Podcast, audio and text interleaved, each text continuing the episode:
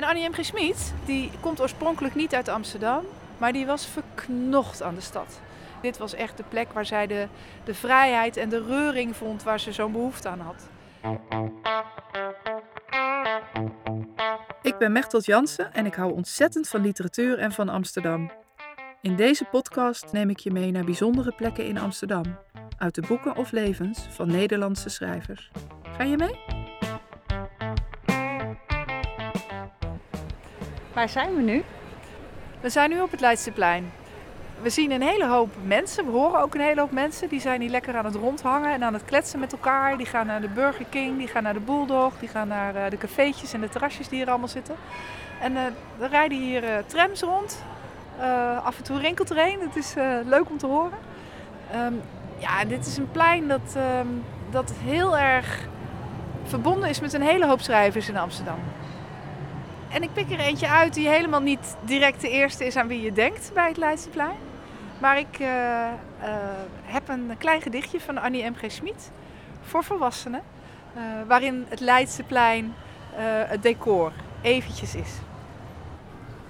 En als je Annie M.G. Schmid voor de geest haalt, dan zie je meteen, het, denk ik de meeste mensen zien dan meteen het beeld voor zich van een vriendelijke vrouw met een enorme bril. En daar gaat dit gedicht ook over. Bijziende.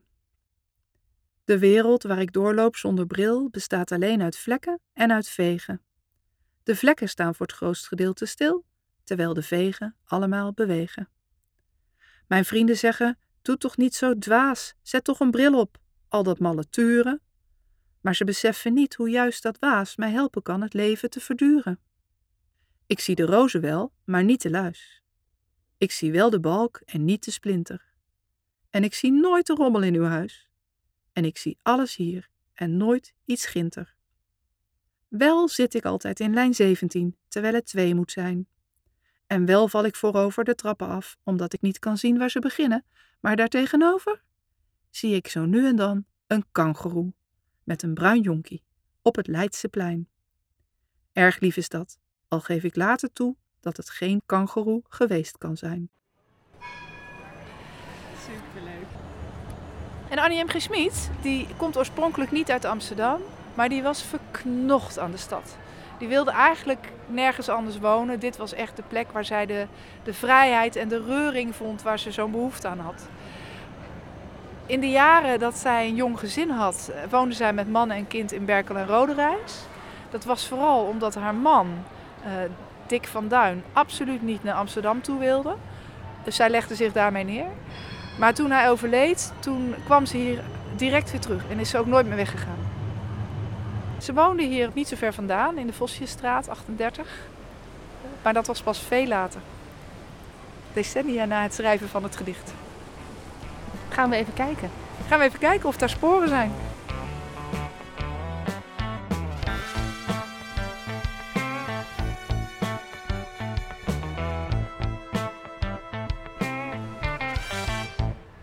We zijn nu in de Vossiusstraat aangekomen. Een vrij smalle straat met aan de ene kant uh, hoge huizen, uh, auto's geparkeerd en aan de andere kant een hek met daarachter het Vondelpark. Waar ze op dit moment zo te horen de bladeren aan het wegblazen zijn met de bladblazer. En uh, in deze straat kwam Annie M. G. Schmid in 1981 te wonen nadat haar man Dick was overleden. Terug naar Amsterdam, naar haar geliefde Amsterdam, waar hij nooit wilde wonen. En zij betrok hier het souterrain en de uh, eerste verdieping van een, um, of de begane grond moet ik eigenlijk zeggen, um, van nummer 38. En dat kun je ook zien, want uh, aan de gevel, vrij hoog, moeilijk te zien vanaf de straat, hangt een glazen uh, plaquette waarop staat dat zij hier heeft gewoond. En dat zij door de lezers van het Parool is uitgeroepen tot de grootste Amsterdammer van de 20e eeuw.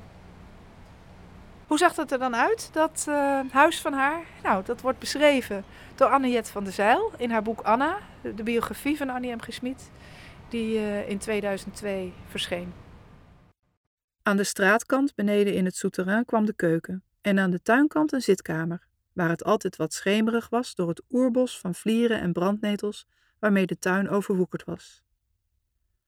Annie zette wat fuchsia's op het terras, maar liet het verder zo dit omdat, zoals ze zei, de wildernis een soort natuurlijke barrière vormde tegen het openbare pad dat achter de huizenrij aan de Vossiusstraat liep. Naast de zitkamer kwam haar slaapkamer, met aan de muur de tekening van Langhors, het langste paard ter wereld, die ze van Fiep Westendorp had gekregen omdat ze dit de allermooiste illustratie vond die ooit bij haar werk was gemaakt. Op de beletage werd aan de voorkant een werkhoek met grote loeplamp ingericht en kwam achterin een tweede zitkamer voor in de winter. Hier kreeg de witte piano die Annie in 1966 van Wim Sonneveld gekregen had een plaats, evenals een schilderij van Els van Dien en het beeldje van een uil dat haar vader haar ooit gaf en dat het begin werd van de uiltjesverzameling die ze later opbouwde.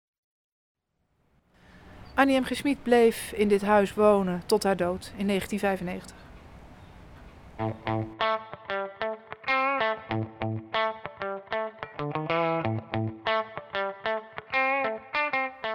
Je luisterde naar Booklovers Podcast, een podcast over de stad, zijn schrijvers en hun boeken. De muziek was van Orbitert. Vind je deze podcast leuk en wil je meer horen? Abonneer je dan via je favoriete podcast-app en laat een review achter, zodat andere liefhebbers hem beter kunnen vinden. Vond je dit leuk en wil je het met eigen ogen zien? Wandel dan een keer met me mee. Kijk op www.boekloverstours.nl voor het programma. Ik ben Mechtel Jansen en ik maak deze podcast samen met Helen Jochems en Marielle van Tilburg. In de volgende aflevering horen we welke rol het spinhuis speelde in een schitterend gebrek van Arthur Japin.